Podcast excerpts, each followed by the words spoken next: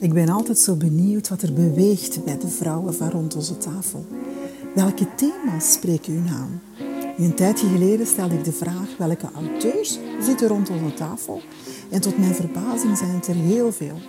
Nu was het tijd om ze uit te nodigen en te ontdekken waar hun boek over gaat en hoe deze tot stand gekomen is. Ik ben je host, Nathalie van Aansen, en welkom aan onze tafel. Um, vandaag heb ik twee power ladies. Ja, je dames, zo kan ik dat noemen. Power. Het is vrijdagavond, is het power? Ja, het is power. Yes, dat mag. Dat mag. Ja, ja maar vrijdagavond of niet nacht, zoals van de nacht. Dat is allemaal... Uh, betrapt. Ja, betrapt. Goed, welkom Nancy en Elke in onze groep Vrouwen aan tafel. Ik was sowieso al kei enthousiast uh, met het verkennend gesprek. dan was het al, er kwam ook al geen einde aan. Hè. Um, alleszins welkom, dames. Ik heb jullie uitgenodigd, of, omdat jullie een boek hebben geschreven aan het stuur, ik kan niet, hè, aan het stuur van je eigen leven. En ik vond dat dat wel eens wat aandacht nodig had om er in de groep eens wat verder op in te gaan. Maar eerst en vooral Um, zou ik eens willen weten wie dat we hier aan onze tafel hebben. Dus um, stel jullie even voor. En begin wie had er begint. Nu wachten we allebei. Ik zal beginnen met Nancy. Die Nancy zal wel weer tetteren. Ja, ja, doe maar Nancy. Breek het ijs. Ik zie niet echt veel ijs op dit moment, maar alleszins, ja, ik ben dus uh, Nancy de Vogelaar. Ik ben een van de Dinobusters. Samen met Elke hebben wij in uh, 2000, nu zijn we begonnen 2013, uh, zijn we begonnen met Dinobusters. Wij werkten toen beide nog uh, in de overheid en waren daar allebei leidinggevend. Um, zo niveau diensthoofd, afdelingshoofd. Dus dat was een, uh, al direct een vrij hoge positie op onze toen nog jeugdige leeftijd. Um, wij hebben ons daar vrij, vrij geamuseerd.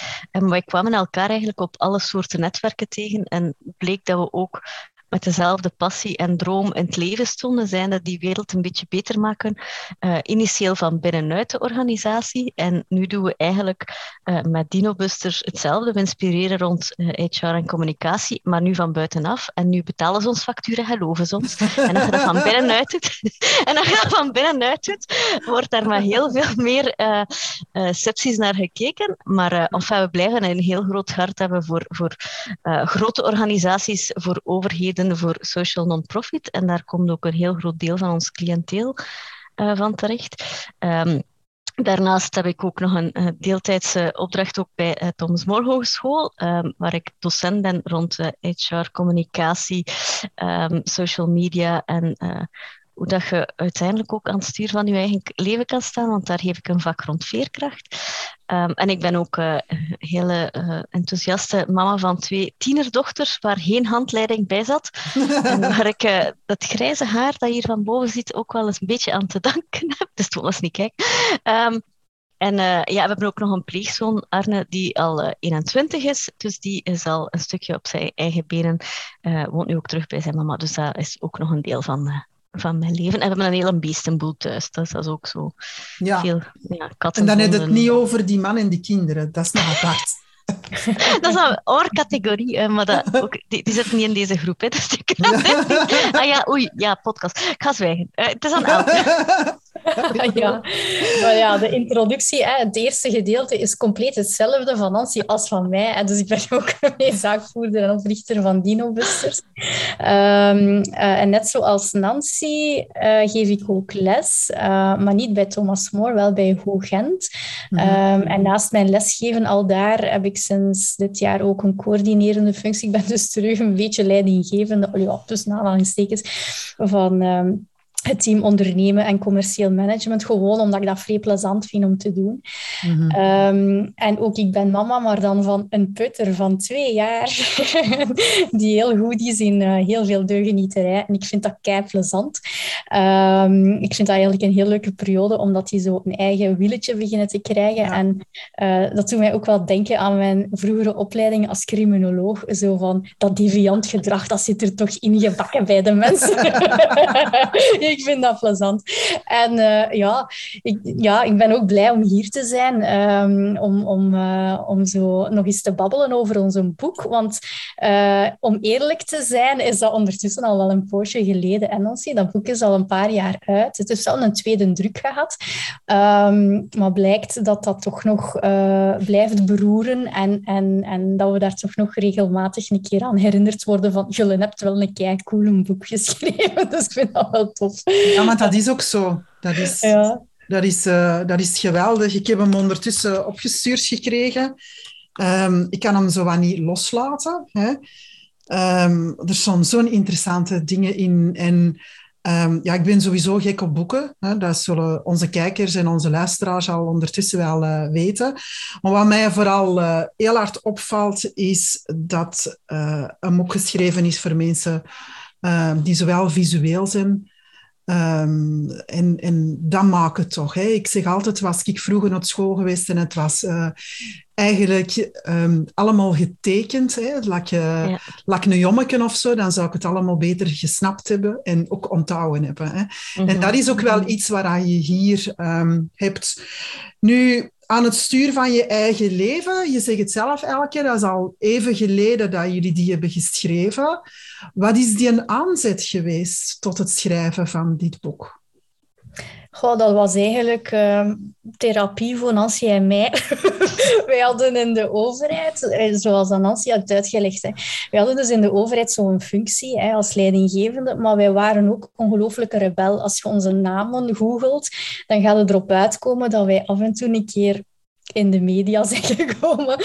Oei. Met, uh, onder andere, ja, want dat is eigenlijk ons derde boek, hè, Stuur van je eigen leven. Ons ja. eerste ging over... Nancy hem uh, gekozen, hè, Elke? Ja, hey, ja, Dus ik weet dat ik jullie nog een paar keer moet uitnodigen voor al je boeken, maar dat komt vast wel goed in 2022. ja, en... Um, ja, dus, dus wij hadden uh, met dat eerste boek eigenlijk een, een soort... Um, ja, het is bijna een manifest eigenlijk geschreven van hoe dat je de Mhm. overheid innovatief kunt maken, hoe dat je af kunt geraken van dinosaurussen, dingen die niet meer van deze tijd zijn. Maar dat was behoorlijk rock and roll in de zin van um, als je in het systeem zit en je gaat dan op de barricade gaan staan, dan uh, kom je wel wat zotte dingen tegen. En we hebben echt wel, zonder daarover te willen uitweiden, de dark side van, van politiek en overheid meegemaakt. Ik en Nancy. En dat wij op den duur zo tegen elkaar zeiden van, zijn wij nu eigenlijk terechtgekomen in een thriller of in hier of daar House of Cards of zoiets. Uh, we hadden ook stiekem het idee van, laten we ooit, als we met pensioen zijn, daar inderdaad een keer een fictieve thriller over maken. Maar uh, nu kunnen we daar lacherig over doen, maar in die periode heeft dat wel enorm mentaal uh, een druk op ons gegeven en ook een stukje midlife crisis-achtig iets. Wij waren wel nog maar in ons dertig, maar dat was zo van, oh my god, wat gaan we nu doen? En um, de zoektocht ook naar dat ba die balans. Want als je als vrouw uh, carrière maakt, zoals dat in ons geval zo was, dan kom je ook in oog in oog te staan met ongelooflijk veel schuldgevoelens. Schuldgevoelens mm -hmm. van waarvoor kies ik nu eigenlijk? Uh, mm. Het is precies alsof je altijd moet kiezen, dat je het niet allemaal kunt doen. Hè. Um, en van daaruit, vanuit, vanuit in een druk, is eigenlijk het idee gekomen van laten we op zoek gaan naar mensen waarvan dat wij denken dat die het allemaal zo gefixt hebben. Hè? Dat we denken van, misschien kunnen we daar iets van leren. en dat wij dat zitten hier zo te ploeteren en, en zo compleet uh, ja, verloren te lopen bij momenten en, en, en, en ons slecht te voelen over, over die, die wending die we maken. Um, dus misschien is er wel een formule. En dat was dan de eerste stap naar, uh, naar dat boek. Dus mm -hmm. ja, het is wel iets. Het is eigenlijk ja, zelftherapie geweest. eigenlijk ja, is het maar ook, ja, ja, het dat boek is het. dat we hè? zelf, het boek dat we zelf hadden willen lezen op het moment dat we zelf het diepste zaten. Eigenlijk Ja. is dat het boek dat we geschreven hebben. Ja. Omdat we hadden he- er waren wel wat praktische boeken en ook wel wat theoretische boeken, maar er waren weinig boeken die een stukje de achtergrond, want we, we zijn allebei nogal uh, science lovers, hè, dus zo de wetenschappelijke insteek van wetenschappelijk onderzoek, um, dat dan doorvertalen naar wat kun je daar praktisch mee doen, vonden we wel vrij belangrijk. Mhm. Maar tegelijkertijd het toch zo la- laagdrempelig maken dat echt iedereen ermee aan de slag kan. Dus dat was eigenlijk onze opzet. En uh, mm -hmm. we wilden het wat body geven. Het waren ook wel plots iets meer bladzijden dan dat we dachten. En de uitgever schot ook, als we stopten met schrijven. Ja, het is wel een dikje... Ja, maar het zijn ook veel tekeningen in. Heel veel getekend. Uh, ja, ook omdat we die taal van dat tekenen, wat we toch allemaal wel een beetje verleren of afgeleerd krijgen, in mijn geval dan. Ja. Omdat je wordt altijd zo gecorrigeerd van stop met prutsen en stop met... Omdat je ja, visueel aan het tekenen bent, uh, wat je hoort. Hè. Um, ik heb pas later beseft dat dat eigenlijk een kracht is en dat je daar eigenlijk ook nog iets mee kunt. En nu doen we dat ook hè, in onze workshops als we met twee. Ja, dat, dat herken ik. Ik heb al een paar boeken gekocht en ik wil ook wel zoiets een cursus volgen van hoe teken je in een training. Ik vind dat prachtig dat daar een trainer staat en die begint zo manneke, zijn weg en naar. En dan denk ik, ik heb hier een paar boeken liggen en dan probeer ik dat. Ik heb hier een bord, hè, mijn... Uh, mijn deur, dat is een bord. En dan denk ik, kom mij er eens aan zetten. Maar echt toch waar, ik, ik krijg daar een punthoofd van. Hè. Dus als ik daar tips van jullie over krijg, van hè, waar kan ik ervoor terecht? Graag. Hè. Maar dat is wel, die tekeningen, hebben jullie die zelf gemaakt die in dat boek staan? Ja, enkel die van de cover niet. Omdat we toen nog dachten, zo goed kunnen we niet tekenen. en eigenlijk, ja, dat is echt waar. De cover, daar, daar hadden wij, daar hadden we wat schrik voor Elken om dat te doen, omdat Weet je, dat is, dat is een hmm. insteek van je boek en iedereen ziet dat. En als je dan nog, we waren toen ook nog niet zo lang aan het tekenen, dan voelde je ook nog wat onzekerder. Intussen allee, tekenen wij hele panelen vol, geef ik trainingen waar dat ik zo tien panelen mee heb of zo. En dat is dan een hele dag workshop. Hè. Um, wat, dus uiteindelijk is dat een drempel die je over moet. Um, maar ja, alle tekeningen hebben we zelf gemaakt, behalve dus de cover. Dat is mooi. Nu, onze luisteraars in onze podcast kunnen het niet zien. Onze kijkers kunnen het wel zien. Ik post dat deze ook op YouTube is, dan kun je zien eigenlijk hoe simplistisch en hoe dat eigenlijk ons, ons, ons klein kind, ons innerlijk kind, wordt aangesproken om aan de slag te gaan met heel veel dingen. Want dat is inderdaad iets waar wij verleerd zijn. Um, je bent met die boek niet op 1, 2, 3 klaar. Hè? Daar heb ik ondervonden dat dat niet op 1, 2, 3 is uh, volgekladerd. Er is ook wel uh, heel wat uh, oefeningen bij. Nu, mijn vraag is al direct, waar mij opviel, is zeven deugden om je toekomst te maken. Hmm, Elke, wat is een deugd? in ons geval is dat tegenovergestelde van een zonde. Hè. Um, het, is zo, allez, het is niet dat wij zware katholieken zijn hè, of christenen, in tegendeel. Maar op de een of andere manier um, ja, zit, zitten veel mensen wel met een soort schuldgevoel mm -hmm. een keer als ze beginnen aan hun leven op de een of andere manier. Hè.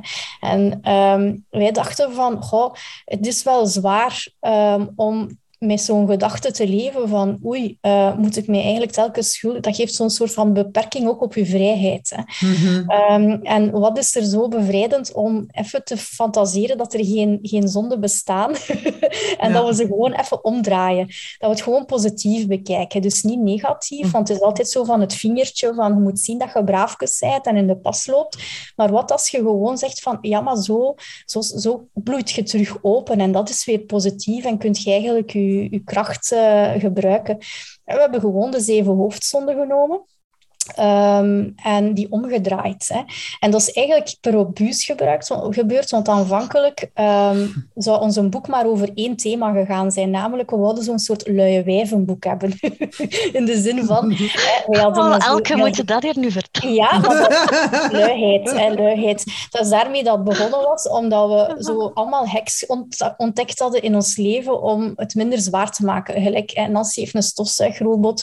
Ik uh, heb technieken ontwikkeld om um, meal prepping te doen enzovoort. Dus om je huishouden en je, en je werk goed afgestemd te krijgen. En eigenlijk stellen we vast dat we zijn gewoon luie wijven. Hè. We willen gewoon niet te veel doen en veel resultaat zien. En een keer als we daarmee begonnen, zagen we dat dat niet alleen over luiheid ging, maar dat dat ook over andere topics ging. En stilletjes aan kwam dat naar boven van, ja, dat zijn die zeven hoofdzonden. Hè. Uh, of dat jij nu naar de kerk gaat of niet, op de een of andere manier komt dat altijd naar boven. Um, en wij moeten daar iets mee doen. En ja, voilà. en, en luid is, is, eh, weet je, heel vaak heeft dat zo'n negatieve connotatie, maar wij zijn daar ongelooflijk trots op, hè, dat, wij, eh, dat wij de dingen zo proberen te organiseren dat er af en toe nog eens tijd overschiet voor eh, de persoon om wie dat het uiteindelijk allemaal doet. Want je, je kunt alles geven aan een ander, maar je kunt maar geven op het moment dat je voor jezelf zorgt. Hè. Mhm. Dus het moment dat je, als je die persoon begint te verwaarlozen, ja, dan, dan komt in de probleem. En dat hebben we allebei meegemaakt. Hè. Het moment dat je de dingen die je echt leuk vindt, begint te schrappen. Het moment dat je de dingen die je belangrijk vindt, eh, niet meer doet. Omdat er, ja, er is altijd nog wel iets te doen. Er moet nog altijd wel een, een wasmand geplooid worden en een strijk gedaan. Ik strijk trouwens nooit, hè, dus ik lieg hier een beetje. Ik strijk nooit. Hè. Ik, koop alleen maar dingen die niet gestreken moeten worden. Hè. Eh, dat, is ook, dat is ook een manier om te zorgen dat je eh, efficiënt met je tijd omgaat. Maar luid is eigenlijk een... is eigenlijk een, een, een manier om te zorgen dat er voor de persoon bij wie dat het uiteindelijk start, ehm, dat daar eigenlijk nog ruimte voor blijft. Want we hebben ook in plaats van Jezus Christus in het centrum, hebben we onszelf in het centrum gezet. Hè. Dus ik als persoon. En Mhm. niet omdat we, dat we egoïstisch zijn, helemaal niet zelf, maar om heel goed en heel veel voor een ander te kunnen zorgen en heel veel te kunnen geven, is het belangrijk dat je eerst die basis, die persoon die in het centrum staat, die uiteindelijk, je bent maar van één persoon een hele leven zeker. Hè? Ja, Ja, het is van jezelf, hè. Ja. Ja, inderdaad. En toen dat we dan die research deden hè, over die zeven hoofdzonden, zijn we ook op heel grappige situaties, allee, eigenlijk grappige inzichten gekomen van het christendom in de oude tijd. Dus Jeroen Bos, hè, die heeft op een gegeven moment zo een wiel eigenlijk geschilderd, hè, waar dan wij ons wiel zo op gebaseerd hebben. En ik had dan zo'n een, een boek gevonden hè, eh, met een uitleg daarover. Hè. Zo mensen die kunstgeschiedenis doen, die moeten dat allemaal kennen. Hè. Dus ik dacht van, van waar komt dat? En we zijn daar tot de ontdekking gekomen dat er een tijdperk was, dus in die tijd, Mhm. dat dat niet zo was om, ehm, om gewoon eigenlijk, eh, hoe zou ik het zeggen, eh, mensen klein te houden, maar dat dat eigenlijk een reflectietool was. Voordat je te biechten ging, moest je in feite reflecteren over die verschillende hoofdzonden en dan nadenken van, en in de spiegel gaan kijken van, wat heb ik nu eigenlijk gedaan, enzovoort. Hè? Zonder het instituut kerk, maar eigenlijk puur vanuit, vanuit eh, ja, de, het ding van, je moet zien te groeien, enzovoort. En die Jeroen Bos had dus effectief dat zo geschilderd als bijna een soort instrument, een wiel dat je af en toe kunt draaien en af en toe een keer kunt kijken van oké, maar met wat ben ik nu eigenlijk bezig? En wij dachten van, oh, maar dat is coaching aan van la letteren. hè. Heel primitief, maar... eh, en we dachten van, kijk, we gaan dat gewoon moderniseren zonder dat dat vast hoeft te hangen aan een geloof, maar dat dat eigenlijk ja, bijna vrijzinnig is en dat je, dat je daar iets mee kunt doen. Mhm. Het is wel mooi, dat wiel van Jeroen Bos, van het staat ook in jullie boek. Hè. Eh, staat er een afbeelding. En ehm, het is een, schilderij, dus, dus ja, ik vind het ook heel prachtig en ook dat het weer licht is. En nu dat je het zo uitlegt ook, dan is het heel mooi dat het, dat het echt past bij hoe dat jullie het op een simplistische manier eigenlijk hebt overgebracht. Hè. Nu laten we het eens hebben over die zeven hoofdstukjes uh, die dat jullie hebben neergeschreven. Uh, het eerste is, is uitstraling. Um, en dan heb je daar nog een woordje tussen, hè, dat is dan die ijdelheid. Dat hebben jullie zo netjes doorgeschrapt. En dan de uitstraling. Nancy, kan je eens wat meer over dat thema vertellen? Wel, uitstraling voor ons is dat eigenlijk um, als jij zelf, u, hoe beter dat je jezelf voelt in je vel en over jezelf, mm -hmm. um, hoe meer dat je naar buiten toe iets kunt gaan uitstralen en uiteindelijk hoe, hoe, hoe meer dat je een effect kunt hebben op mensen. Hè. Uh, de westerse wereld heeft een bepaald ideaalbeeld over hoe de vrouw er moet zijn. Er moet zijn. Je weet nog, de basis van ons boek was dat we vonden dat het allemaal wat complex was en dat we het leven wilden vereenvoudigen met dan, met dan wijven eten en zo op tafel brachten. Uh, maar ook hoe je eruit ziet en hoeveel tijd en energie dat je in je uitstraling steekt, dat uh, heeft een effect op ons. Eh? En moment dat, je, dat, dat je moet maar denken aan het moment dat we in lockdown zaten, het moment dat we allemaal niet naar de kapper konden. Ja, ik dat is bij ons zo mijn... in Nederland nu het geval. Ja, dus, ja, ja ik heb toen mijn vroeg zelf geknipt. Dat was geen goed idee. Is dat wat zien? maar nu niet meer, dat is al lang geleden. um, en dan iedereen begon zo met zelf met shampoos te experimenteren. Ja, ja. Maar dat is gewoon omdat dat heeft een effect op hoe dat je je voelt. Op het moment dat je ergens niet naartoe kunt, dat je niet kunt. En dat gaat dan niet over allemaal 5000 crèmetjes op je gezicht smeren en een hele schminkpop zijn. Maar gewoon een lipstick hè, aandoen of een klein beetje mascara aandoen. Dat kan eigenlijk voor jezelf liefst op momenten dat je het minst goed voelt. Uh, mm. Als jij weet dat dat je iets opgeeft, als je daar niet om geeft, uiteraard niet. Maar als jij weet van, oh, voor mijzelf, als ik dat doe, dan voel ik mij gewoon al een stukje beter. Dan kan dat ook weer opnieuw een tool zijn dat jou kan helpen om toch in je kracht te gaan staan. Ja. En uitstraling hoeft niet zoiets heel pregedefinieerd te zijn. Het gaat over wat dat jij zelf, hoe dichter dat je bij je eigen persoon, bij wat dat jij belangrijk vindt, uh, aanleunt, hoe meer dat je dat gaat uitstralen en hoe, hoe mooier dat je gewoon wordt doordat je dicht bij jezelf zit hoe snel dat we dat eigenlijk afleren. Hè. In het begin van de lockdown hadden we ook, dan gingen we online. En dan zie je veel mensen, ja, die kleren nu niet meer aan, of toch wel niet de onderkant. Hè. Uh, dat is wel zo, ze kammen hun haar zo wat. Hè. En, en er is dus een wereld van verschil als jij uit je bed komt, je doet hetzelfde. En ook al werkt jij thuis, dan moet jij niet online, dat je in je pyjama zit te werken. Of je maakt je op alsof ja. je naar het kantoor gaat.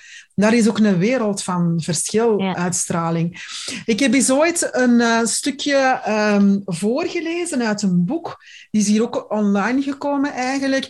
Over um, als je je helemaal uitkleedt, wat zie je dan nog?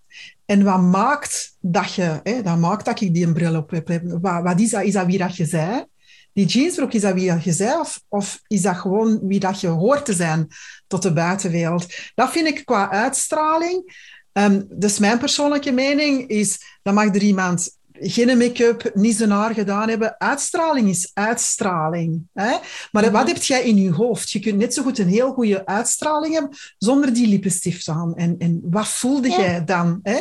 En, maar dat is voor, voor iets in onze maatschappij wel een moeilijke. Als we kijken naar hè, in andere landen, hè, denk bijvoorbeeld aan stammen, andere culturen. Als je die vrouwen ziet, die maken hun ook mooi. Die willen ook een uitstraling. En dat heeft dan te mhm. maken met de kracht die er is binnen een groep. Mm dus dat is ook, waar wilde jij voor staan? Hè? Dat is ook wel een heel belangrijke. Uitstraling. En er is zoiets heel mooi in uw boek. So don't forget to smile today. Dat vind ik ook fantastisch. Hè?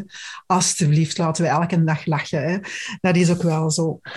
Um, nu, het tweede stukje wat ik zou willen aanraken is waarde. Wat bedoelen jullie met waarde, Elke?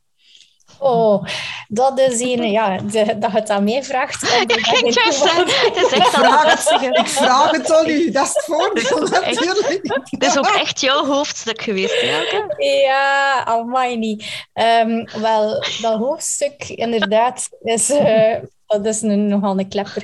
Nee, dat gaat over um, wat dat je waardevol vindt. En een van de obstakels in ons leven is vooral de connectie van hoe voelt je bij geld?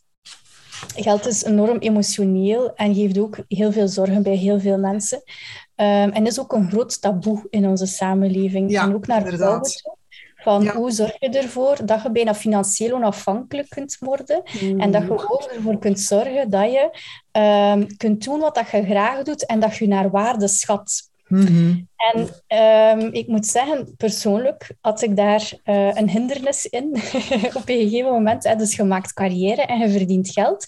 En je hebt dan uh, die droom. Hè. Ik denk dat bij Nancy ook een gelijkaardig gevoel naar boven geborreld was van oh my god, wij gaan nu de gouden kooi verlaten. wij komen van een statutair ambtenaar, leidinggevende positie, zo de droomjob van onze ouders eigenlijk. En die denken van, wat is dat nu met u? Je hebt nu juist de lotto gewonnen bij de overheid en dan gaat het daar weg. En inderdaad, je zit daar met een ei. En um, in het boek um, komt eigenlijk een stukje ook aan bod waar dat we de mosterd gehaald hebben. En dat was bij mij een toenmalige, allee, nog altijd coach, want ik raadpleeg haar af en toe nog Cynthia Heesels. En die is gespecialiseerd in uh, die relatie met geld. Wat doet geld met u? En hoe kun je in feite u vrij voelen zonder aan geld te denken?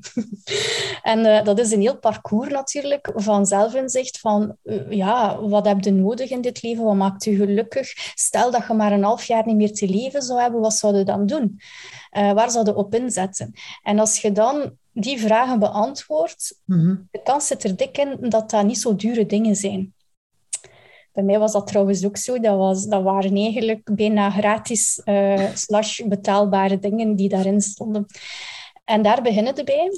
Um, en die waarde is, is een groeiproces voor jezelf en ook aanvaarden van ik, ik mag er staan. Hè. Als je één werkt aan je uitstraling, waar dan we het daar juist over gehad hebben, maar dan moet het nog altijd kunnen tonen, ook naar de buitenwereld. En durven eigenlijk zeggen van, ja, ehm, ik ben het waard. Hè. Het is een beetje een onnozele uh, bottomline van L'Oréal, omdat je het waard bent.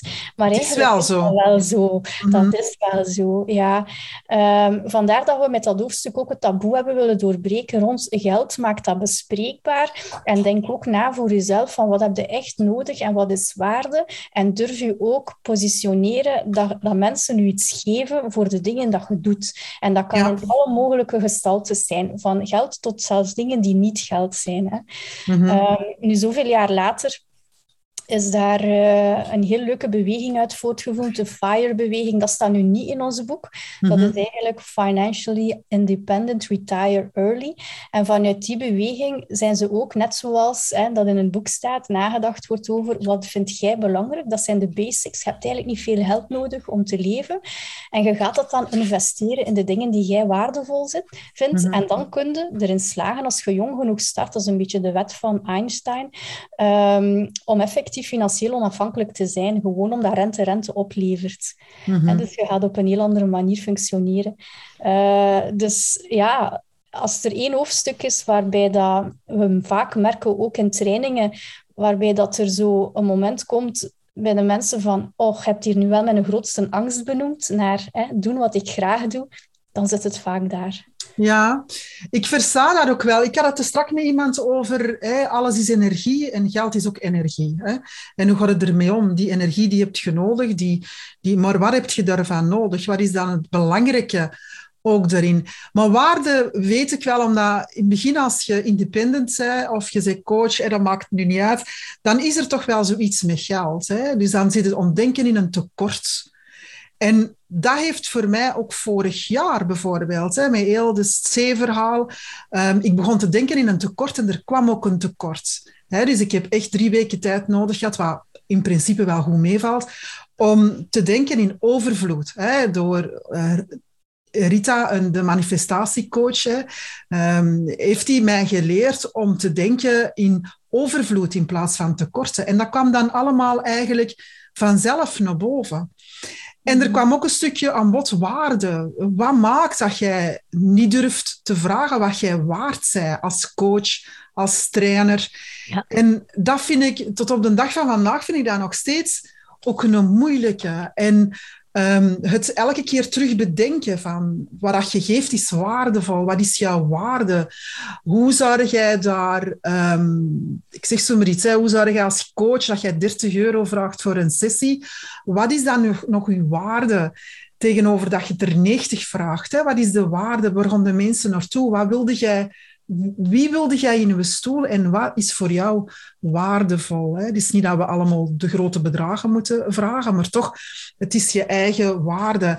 En dan zie ik ook doorgestreept het woordje hebzucht, hè, omdat ik het niet heb over, over echt centen hè, in die waarde, dan het financieel stukje. Dan hebben jullie zo hebzucht omdat dat wel is waar de mensen denken. Hè? Dat je veel vraagt, dat je hebzuchtig bent. Mm En dat vond ik wel aan dat hoofdstuk super mooi, om dat eens in balans te brengen. Want dat hoeft echt niet zo te zijn. Nee, en je kunt ook je tijd maar één keer spenderen. Hè? Ja. Um, dus, dus wat is het u waard? Hè? Zo de, de, als je s morgens uh, je kind afzet op school of die geeft u een kus, wat is die kus waard? Hoe, hoe, wat gaat dat uitdrukken? Of allee, kleine gelukjes, hè?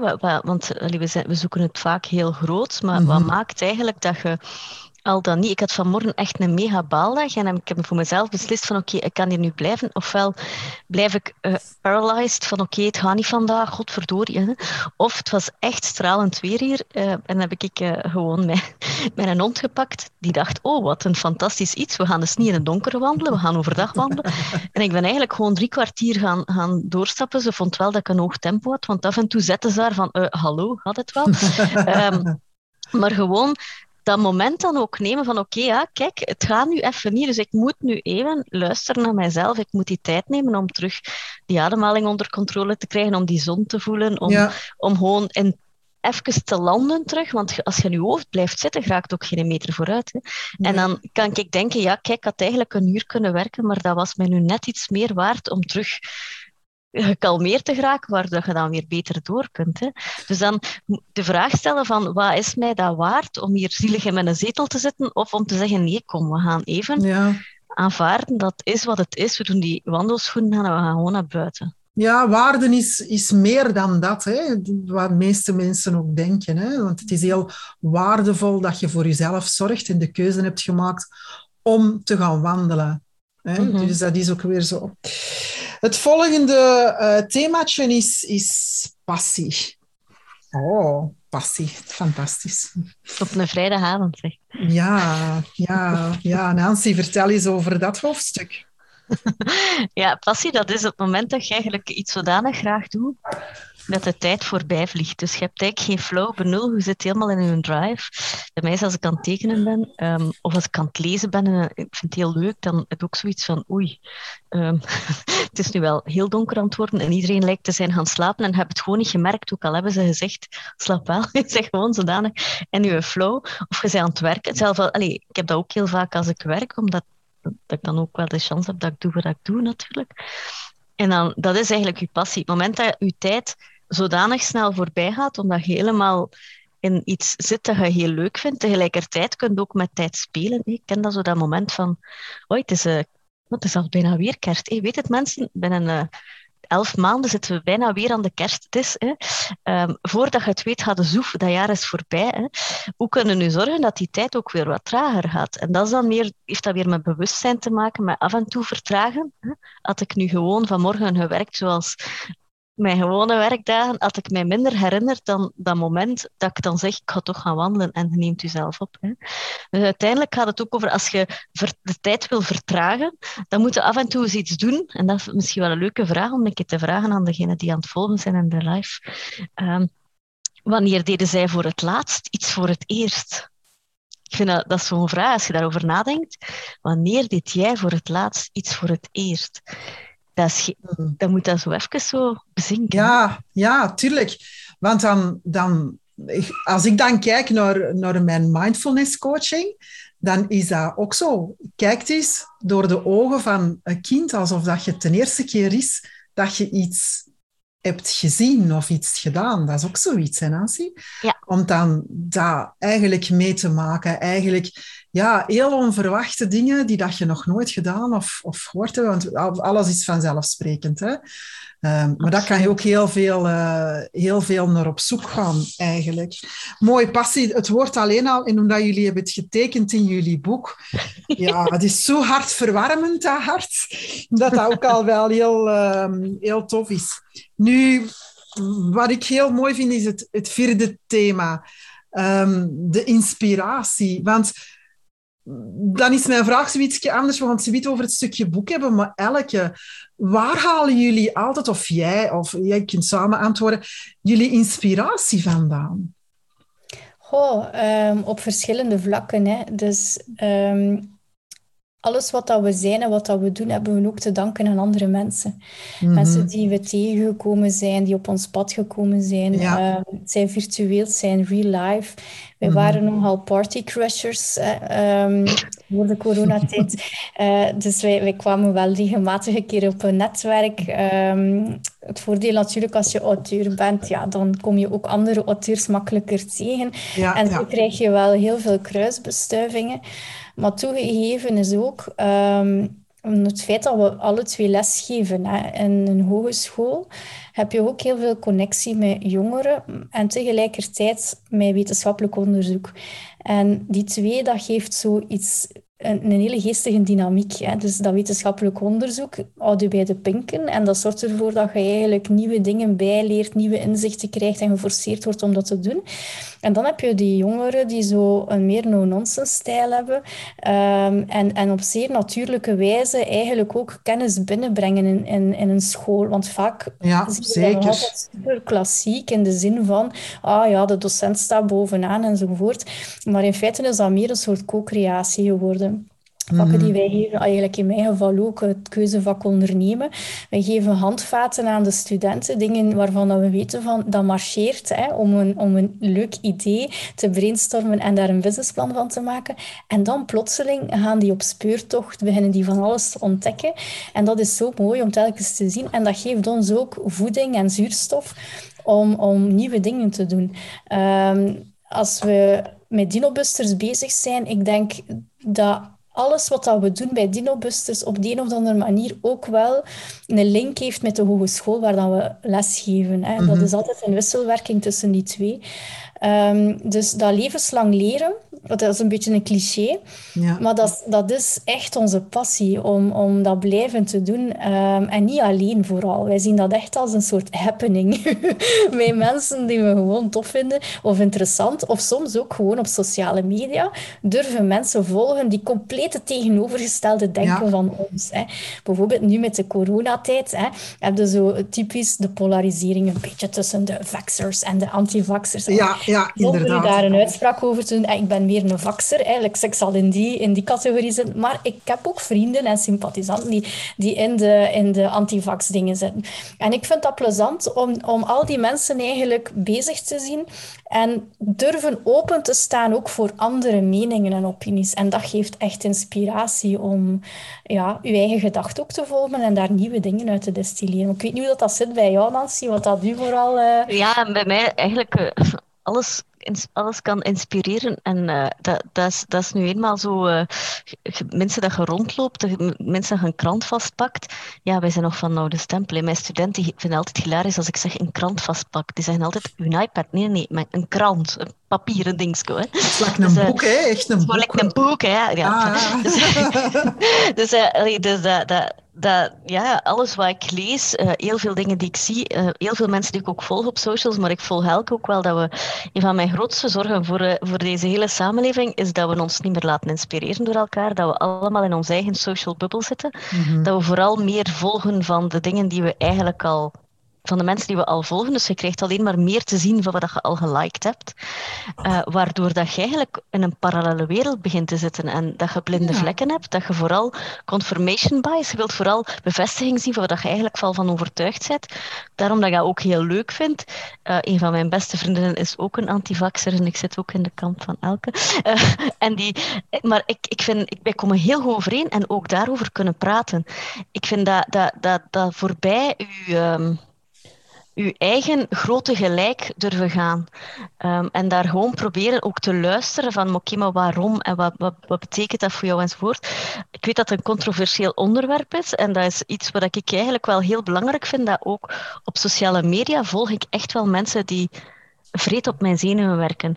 Um, en ook daar, okay. het feit dat ze op mijn zenuwen werken, um, dat betekent, dat zegt ook heel veel over mij. Ja. Dus ik, ik, durf mijzelf heel vaak in vraag stellen van, maar waarom werkt dat nu zo op mijn zenuwen? En waarom, waarom, wat, zit waarom, wat zit erachter? Want dat is heel vaak ook een blinde vlek van jezelf dat dat ja. bloot ligt. En ja. hoe radicaler dat je in je eigen mening uh, wordt, hoe minder dat je geconfronteerd wordt met respectvol discussiëren met een andere mening. En dat vind ik een, voor mij persoonlijk uh, ik ben een heel grote democrat, dus ik vind dat een heel grote, een heel grote zorg voor mij is effectief hoe dat wij als samenleving verder daarin evolueren. Maar dat is misschien stof voor een volgend boek. Elke, we hebben daar al ja, heel ja, wat ja, dingen over. um, ik kijk er al naar uit. Ze zijn helemaal nog niet begonnen en ik kijk er al aan uit. Maar het is ook zo wel iets met je kernkwadranten. Ga je ook op zoek naar wat is je valkuil, onder andere. En, mm -hmm. en mhm. wat is het net?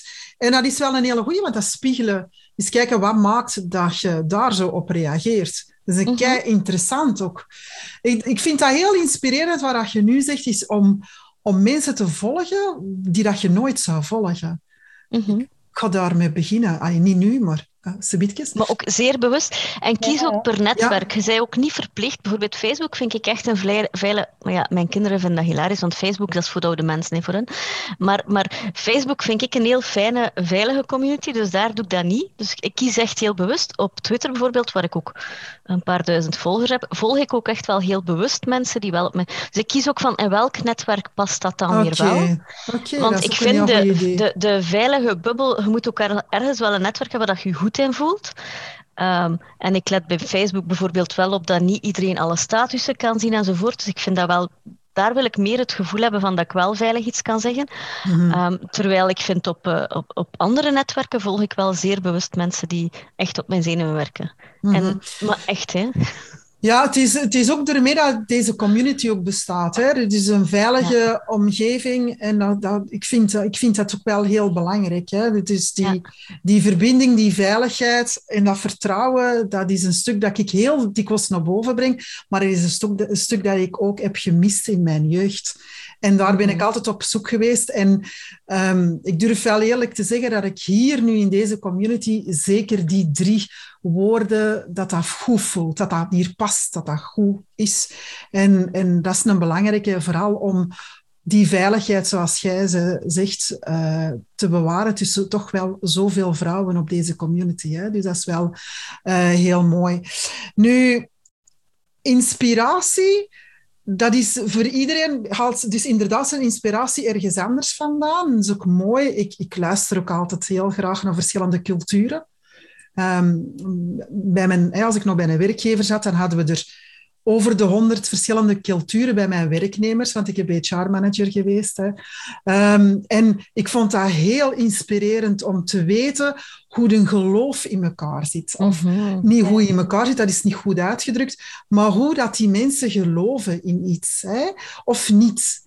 Of, of wat dat dan geeft. En wat, als je dat doet, wat maakt dat dan? Hè? Dat, dat inspireerde mij om een veel breder kijkveld eigenlijk te hebben. Om niet blind te staren naar één mand met alleen appelen in, maar dat dat heel breed kan zijn. Dat vind ik een heel, uh, heel belangrijk als inspiratievorm. Kijk eens door de ogen van iemand anders en zie eens wat je ermee kunt. En wat klopt er voor u? Hè? Want zoals je zegt, vaccineren, niet vaccineren, het een klopt voor u wel, het ander niet. Maar luistert eens een keer. Wat is de mening van de anderen en hoe voelt dat? Hè, als voelmens. Mm Hebben we nu eigenlijk dat thema inspiratie gewoon naar boven gebracht met dit stukje? Of willen jullie er nog iets meer over vertellen? Voor, voor mij was het wel uh, oké, okay, maar de helden hebben we nog niet aangehaald, Jelke. Onze helden. Ja, nee, dat is waar. Je zit die mee in die inspiratie? Ja, ja. Okay, ja, ja het okay. zit in het hoofdstuk over helden ook. Oké, okay, uh, voilà. Ja, ja. oké, vertel. Ja, we hebben eigenlijk ons hele onze carrière wel laten wat inspireren door mensen die voor ons een held waren. En dan zijn dat vooral mensen geweest die ons... Allee, Elke heeft al gezegd in het begin, we hebben niet zo'n eenvoudig parcours altijd gehad bij de mm -hmm. overheid. Mm -hmm. um, maar wij hebben wel de gro het grote geluk gehad dat er altijd mensen geweest zijn die heel erg in ons geloofd hebben. Mm -hmm. En die ons ook mee naar voren gestuurd hebben door een positiviteit en door in ons uh, te geloven en door mee het zelfhulpgroepje op de, toen ook een community, Club 35. Wat eigenlijk toen een, een clubje was van ambtenaren die min 35 waren. Intussen mogen we ook niet meer, hè. maar toen dus wel. um, en wij waren daar eigenlijk um, onder andere eh, zo Bert, Bert Bruggemans, uh, Pedro Facon en zo. De, allemaal mensen die heel erg inspirerend waren, uh, waren toen ook Um, Thomas en zo, allee, Sarah Jane, hij, ik, uh, Joke, allee, we waren met zo'n bendeke en eigenlijk hebben we nog altijd wel contact, want wij zorgen goed voor elkaar. In die zin, wij zijn samen allemaal wel eens door de hel gegaan. En dan merk je ook op het moment dat het heel moeilijk gaat met een van ons, dat opeens dat netwerk daar weer oppopt. En dat is wel heel mooi om te zien, dat die band gesmeed is en dat... Uh, de helden, een aantal uh, topambtenaren op het moment die volgens ons nog altijd hun hart op de juiste plaats hebben, mm -hmm. die uh, niet vergeten waren hoe ze zelf waren als ze jong waren, die dus nog in ons ogen nog niet door het systeem helemaal, helemaal veranderd waren. Uh, die hebben het wel voor ons opgenomen en dat is voor ons wel een held, maar eigenlijk kan iedereen een held zijn. Hè? En dat is ook waar wij heel erg um, voor ijveren, dat je voor jezelf ook durft kijken van waar was de kleine ruimte of de kleine community waar ik al best een held kan zijn. En elke mhm. zal nu nog in de leeftijd, haar, zoontje zal nu nog vinden dat, dat de mama de held is. En binnenkort is de juffie Elke, dan heb hij niks meer te zeggen. maar, maar intussen is dat bij mijn kinderen de peer-omgeving, dus dan zijn ze als moeder ook weer even niet meer de, de, de heldin. Hè. Maar dat is ook niet erg. Ik vind dat, dat, dat durven opkomen voor elkaar. En het, mm. uh, want wat dat jij ook met jouw netwerk doet, Nathalie, ik vind dat ook super mooi, omdat dat zorgt dat gezorgd voor elkaar. Het is net die veilige context dat jij veiligheid aanhaalt, vinden wij ook een superbelangrijke.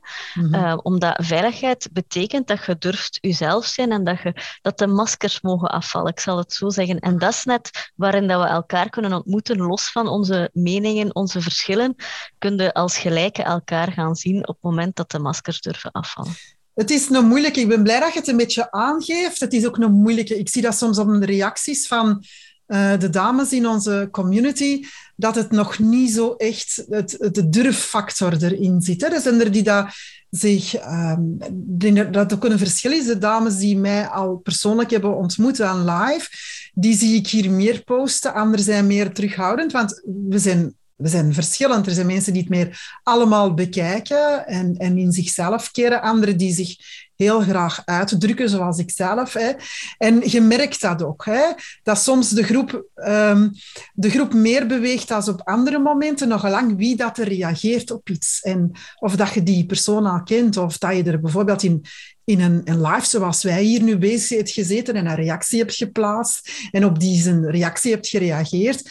En dat is wel, um, dat is wel mooi om te zien. En toch is er toch nog ergens een terughoudendheid. Hè? Dat we toch als vrouw niet zo snel uitkomen of minder snel in dat vertrouwenstukje uh, ook gaan. Hè? Maar weet dat het hier heel, heel veilig is altijd. Hm. Een held. Ik vind jullie helden. Dus um, ja, ik haal ook mijn inspiratie uit dames zoals jullie. Hè?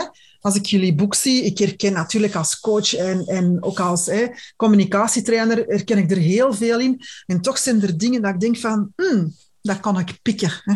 Dat kan ik eens meepakken. Hè. Het is ook de bedoeling, wij delen. Dat is zeker de bedoeling. Trainers, Voilà, en dat staat ook in uw boek. Hè. Hè? Absoluut. Dat is, een, dat is ook echt de bedoeling. Hè? Een quote die dat... Uh, ik zeg, ik heb ook zo'n boekje Steal Like an Artist. Ik vind, ik moet het niet meer uitvinden. Hè. Als je een mooie quote hebt, schrijf hem neer. Dat is bij jullie ook. Ik kan zeker heel veel dingen meenemen um, die dat ik dan al gebruik, maar dan op een andere manier. En dat is dan die inspiratie die ik dan weer uit jullie boek haal. Hè. Nu, het volgende themaatje, dat is... Uh, krijg er helemaal goesting in, want het is goesting. Hè? Wat is uh, dat thema goesting? Elke, Elke? Ja. ja. ja. dat is, um, dat is een superbelangrijke dat je met goesting kunt je ding doen. En dat maakt niet uit wat. Hè. Of dat je nu iets van werk doet of thuis van alles bedenkt, uh, hoe dat je leven eigenlijk leidt, dat dat, dat dat niet een sleur is. Dat je niet zo plotseling het idee hebt van oei oei, ik ben hier in de grijze muismodus uh, beland en uh, dit is hier de flatline. um, en nu kunnen we sterven per manier van spreken. En er zijn vele. We moeten, allee, eigenlijk zal ons dat beginnen dagen als ambtenaar. Hè pendelden wij veel. En je moet maar mhm. een keer s morgens um, in de niet-corona... Nu eigenlijk ook wel een beetje in coronatijd, maar vooral in de niet-coronatijd moet je s morgens maar een keer op een bankje gaan zitten in het station en de mensen eens observeren die naar hun werk aan het gaan zijn. En je mhm. wordt daar niet zo verloren van als je die non-verbale uitdrukkingen ziet op die gezichten. En vooral met die smartphones is dat nog erger geworden. Iedereen zit zo in zijn bubbel. En ja, Vooral ook zo in de grootstad Brussel. Hè. Dus dan loop je daar door en je ziet echt zo die grijze massa die zich verplaatst naar die kantoren. En dan kom je ook in dat kantoor terecht. En dan merkte dat je zo opgegeten wordt door een soort systeem waarvan dat je denkt van word ik hier nu vrolijk van? en uh, dat is wat dat we wilden bedoelen met dat hoofdstuk van probeer regelmatig eens een check-up bij jezelf te doen van met hoeveel goesting doen de dingen eigenlijk, want dat geeft joie de vivre en dat zorgt ervoor dat je ook gewoon veel meer energie hebt, dat je in een flow kunt geraken. Bijvoorbeeld met dat tekenen, hè, als Nancy en ik aan het tekenen zijn, dan verliezen we de tijd. ik heb dat ook met magazine bijvoorbeeld, zo uh, in de back-office, uh, vooral diegene die dan zo het magazine vormgeeft. Ja, dat is het nieuwe van, uh, van dit jaar. Um, en dat is een gevaarlijke hè, als ik daarmee begin, want ik zou bijna vergeten mijn zoontje af te halen in de crash. Hè, dus die tijd, dat vliegt. En dan weet je, je zit in die flow, dat is met goesting. En je, je zit al aan het popelen voordat je kunt starten. En als je merkt zo, je, in je week, hè, dat je gehad hebt, dat er daar amper dingen waren dat je met goesting hebt gedaan, dan is het echt wel tijd voor actie. Uh, een van de, zo die klassieke oefeningen, en het staat er ook eentje in in onze boek, is van schrijf een keer je ideale week op. Uh, hè, je mocht zelf kiezen um, hoe dat je week verloopt, van maandag tot zondag. Hè, dat maakt dan niet van maandag tot vrijdag, want veel mensen beginnen dan zo te, te doen gelijk een werkweek. Nee, maandag tot zondag. En dan krijg je daar zo de zotste dingen hè, van oh, moest ik zonnetje kunnen uitslapen tot acht, negen uur alle dagen. Of ik zou in de plaats van uh, de maandag naar mijn werk moeten gaan, de zondag kunnen doen en dan de maandag op mijn gemaksken in de supermarkt rondlopen en alles gewoon doen, gelijk hoe dat een echte gepensioneerde. Maar toch, hè, en, zie, en dan, dan krijg je zo'n sprankel, hè, je krijgt sprankel. En een van de dingen die we vastgesteld hebben, is dat door ook je leven te durven veranderen als je merkt dat niet meer oké is. Al zit gans de wereld naar u te kijken van jij bent goed bezig en doe maar voort gelijk hoe dat je bezig bent. En de sky is the limit, maar jij voelt je daar slecht bij. Toch veranderen, dat dat een wereld van verschil is. Nancy en ik, wij hebben ons al vele maanden geen loon uitbetaald met Dinobusters. En we hebben heel veel minder verdiend ook dan dat we vroeger als ambtenaar waren, fulltime. Maar we zijn nog nooit zo gelukkig geweest. En dat is die vrijheid en al die mogelijkheden die je kunt doen. Um, en en dat maakt dat je toch blijft gaan voor, voor hetgene waar dat je van houdt.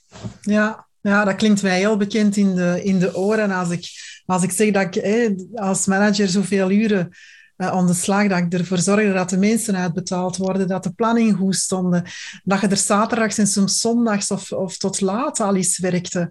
En als je dat nu doet, dan is dat een heel ander gevoel. Want als ik nu aan iets bezig ben overdag en ik denk van, hmm, ik heb gezien voor een paar nieuwe schoenen, hè, dan ga ik er ook om. Hè. Dus dat geeft ook wel de vrijheid. Nu, ik weet dat je voor een werkgever hè, werkt dat dat niet, dat dat niet kan. Hè, maar als ondernemer creëer je ook wel die vrijheid. Je kunt ook constant natuurlijk achter je pc, je kunt constant bezig zijn, maar welke keuzes maakt en met welke goesting ja. werk jij? Hè? Dat is een hele, um, een hele goeie. Van waar die... Uh, die gulzigheid die dat in jullie boek zo netjes staat doorgeschrapt, Nancy? Uh, omdat dat uh, natuurlijk de hoofdzonde van gulzigheid is. Heel vaak wordt dat, als je iets met heel veel goesting en wordt dat gezien als van mij, maar je mocht niet overdrijven, maar je mocht niet te gulzig zijn in het leven. Je mocht geen indigestie Je mocht geen indigestie hebben. En dan denk ik, ja, en waarom zou ik niet mogen gulzig leven? In die zin dat ik, ik, ik doe super graag wat ik doe. En ja, uiteraard uh, is de eerste, ik heb het daar juist ook al gezegd, dat je heel goed voor jezelf moet zorgen. Hè. Dat is ook de mhm. reden waarom ik dan vanmorgen wel ga wandelen. Hè. Maar er is je moogt ook wel. Er, niemand gaat dood van veel werken. Hè? Je, je krijgt zelf geen burn-out van veel werken. Je krijgt nee. burn-out van. En daar zit Ilse natuurlijk wel ideaal op haar plaats om daar nog wat, um, uh, een heel goed boek van Ilse ja, heel, heel, lezen. ja, ja wil ik ook even uh, vermelden. Ja, ja, dus ook ja, een heel goed boek. Jullie hebben haar ook al te gast gehad. Ja. Um, maar, maar dus een burn-out, dat, dat, dat ligt aan heel veel factoren, maar niet, niet gewoon van te veel werken. Dat, is, uh, dat, dat ligt aan werk dat niet gezien wordt, werk dat niet gewaardeerd wordt. Ja. Um, niet op de juiste plaats zitten, de juiste rol niet hebben enzovoort. Dus de, de, de, heel vaak krijg je zo de, de misvatting als je met heel veel goesting je werk doet, van ja, maar zou niet wat minder werken? Uh, nee, uh, nee, want ik doe heel... Ik, het voelt ook dat is echt zoiets dat ik sinds, ik weet niet of dat voor jou herkenbaar is natuurlijk, maar dat is het moment dat wij zo zelfstandig geworden zijn. Ik heb ook nooit meer zo een vrijdagavond, want ik heb dat juist als grapje, een vrijdagavondgevoel en ma zondagavondgevoel Nee, nee, en maandagmorgengevoel van oh my god, ik wil echt niet opstaan. Dat is mij totaal vreemd. mij. Het loopt natuurlijk ook heel erg in elkaar over. Dus ik denk dat inderdaad jezelf af en toe bewaken en toestaan dat je dan een keer dat paar schoenen gaat kopen en dat je dan een keer op een vrijdagochtend een uur gaat wandelen omdat je eens even denkt, het gaat niet, ik, ik heb geen goesting, ik ga, mij, ik ga gewoon mijn wandelschoenen en ik ga gaan wandelen, maar het zonneke nu schijnt. Hè. Daar die balans in blijven vinden en dat met veel enthousiasme doen, is denk ik een hele belangrijke. Ja, omdat vooral als je vanuit mijn positie als, als, als werknemer komt en je gaat in zelfstandigheid nu. Ik ben opgevoed, ehm, ik kom uit een ondernemersgezin. Dus bij mij was dat ook zeven op zeven. Ik was negen als ik al werkte thuis. Dus ik heb nooit zo dat gevoel gehad van werken. Maar er is wel een verschil. En ehm, als ik dat zie, wat er toen met mijn moeder gebeurde, van te veel te werken, te veel stress en zo, ja, dat, is, dat heb ik altijd gezegd van, dat is niet de bedoeling, dat gaan we niet doen. En alhoewel dat je dan als werknemer verder gaat, ja, dat je voor een baas gaat werken, dat je toch hetzelfde uitgaat, zoals je gezien hebt in je jeugd. Hè. En dat was een van de factoren die dat ik heel belangrijk vond.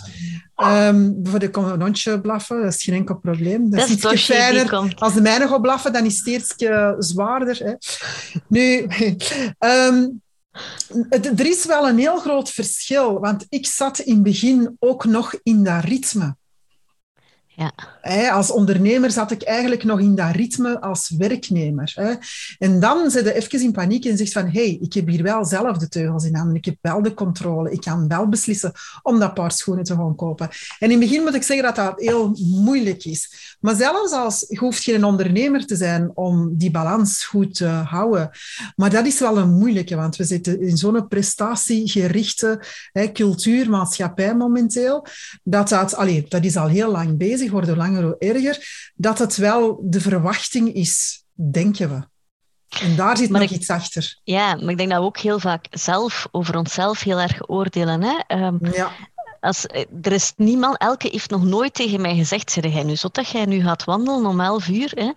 mhm. Maar de- ik stuur haar dan wel, ik heb nu even niet gewerkt. En dan, dan denk ik, maar wat ben ik nu eigenlijk aan het doen? Gewoon moet geen omdat dat- dat verantwoording afleggen. Nee, Nee. nee, en zij heeft daar nog... Ik bedoel, wij hebben dat ook... Moet je dat Ik helemaal heb niet... daar een keer een mopje over gemaakt. Ik heb zo Ja. daar een keer een vakantiekaart gemaakt. Dat ze moest aanduiden wanneer dat ze kon. Zo zelf getekend. Hè? Zo kende dat. Zo, het is vanuit de vakbond van het jaar 1930. Daar hebben we dan wel leuk mee gehad. Ze heeft, omdat ik, ja, en dat is echt dat is sterker dan mezelf. Hè. Dan zeg ik, ja, elke nu, eh, volgende week, dan ga ik naar, dat staat dan nog in, in onze gemeenschappelijke agenda. Ik ga dan naar de kapper, dus ik ga dan niet werken. En dan schiet ze in de lach van, oké, moet ik het op uw kaart aanduiden? Wat moet ik hier nu mee doen? Dat is wel grappig, want dat, is nog iets wat we meegenomen hebben. Hè? Ja. Van, van vroeger, hè? dat was de gewoonte van... Je gaat, je stond jij vroeg op, jij gaat gaan werken, je komt jij thuis, je doet je huishouden, dan wat koken en dan naar je bed. Oei, mag ik al gaan zitten? Eh, moet ik nog van alles doen? Of niet? Iedereen kijkt zo, want ik kan zitten. Eh, Maar dat is helemaal niet, maar dat is hetgeen dat je dan In uw hoofd. Ja. ja, in je hoofd... eh, we zijn eigenlijk onze eigen grootste vijand. Allee, beste Ja, vrouwen, ik denk dat we een keer heel eerlijk moeten zijn, dat we heel vaak gewoon zelf onze eigen grootste criticasters en oordelers zijn. En Ja. dat dat meer Ja. aan onszelf ligt dan, eh, dan aan de mensen over ons. Ja, en in België ehm, hebben ze, dat hoorde ik een tijdje geleden dan, dat er zo'n de innerlijke ludo bestaat. Hè? Dat bestaat in België, het schijnt. Dan gaan we gelachen, ik gaf een workshop en ze zei, ik zei zo dat de innerlijke criticus, en ze nee, dat is Ali, dat is de ludo. De ludo, en wie is de ludo? Natuurlijk, ik heb geen, geen Belgische televisie, dus dat was wel grappig, omdat de ludo, de ludo was er, en, en nu begin ik dat ook altijd te zeggen. Hè? Dus de ludo zit er weer bij. Hè? Hoe kan dat nou? Hè? Hoe is dat dan? Dat Wie heeft die uitgenodigd? ja, ik heb die niet, eh, die heeft ook niet betaald voor de workshop. Hè, dus de rit, de rit. ja, dat goesting. Hè. Ik, ik durf eerlijk bekennen dat ik, ehm, ik heb niet zo het idee dat ik uit mijn bed moet. Want ik moet niks, dat klinkt nu raar. Hè. Eh, ik zeg altijd de zon moet schijnen, maar ik kies overal voor. En dat geef ik ook heel veel mensen mee, dat je, je moet niks. En uiteraard zeggen ze van die hypotheek die moet betaald worden. Maar hallo, je hebt dat huis gekocht, je hebt dat getekend, wie dat getekend? Hè? Ik moet gewoon werken. Hmm, Oké, dat is heel interessant. Stond er iemand met een hamer achter u dat je dat contract tekende? Ja, want dan moet je dat. Nee, dus heb je dan een keuze gemaakt? Ja, een keuze. En het voelt ook al anders, met goesting. Ik kies ervoor, dus ik heb er goesting. Hè. Dus dat is ook weer iets dat ik gewoon pikken. Hè. Dat ga ik meepakken. Dat is een mooi woord, hè? Ja, goesting. Zouden we onze Nederlandse kijkers, dat, ik woon hier al twintig jaar en ik stel dan die vraag, helemaal gek, maar goesting, zou dat iets Nederlands zijn? Dus misschien ah, dat onze luisteraars er kunnen op uh, reageren als we hier... Ja, wel, we hebben daar wel een anekdote over. Want op de boeklancering van, uh, van dit boek um, was niemand minder dan Hans Damen. En wie is Hans Damen? Dat is een uh, ex-veteraan bij de Nederlandse landmacht, um, mm -hmm. waar dat we heel goede contacten mee hadden door onze overheidsdingen. En uh, hij zei van, ja, dat is wel zo'n pikant woordje hè, in Nederland, goesting. Maar je vond dat wel heel schattig dat dat daar zo in stond. En als je dat dan zo leest, ja, dan, dan blijkbaar de Nederlanders vonden dat wel plezant om te lezen. Ja, die houden van onze taal ook. Hè? En dan lezen ze dat, ah ja, maar het is die een goesting. Ja.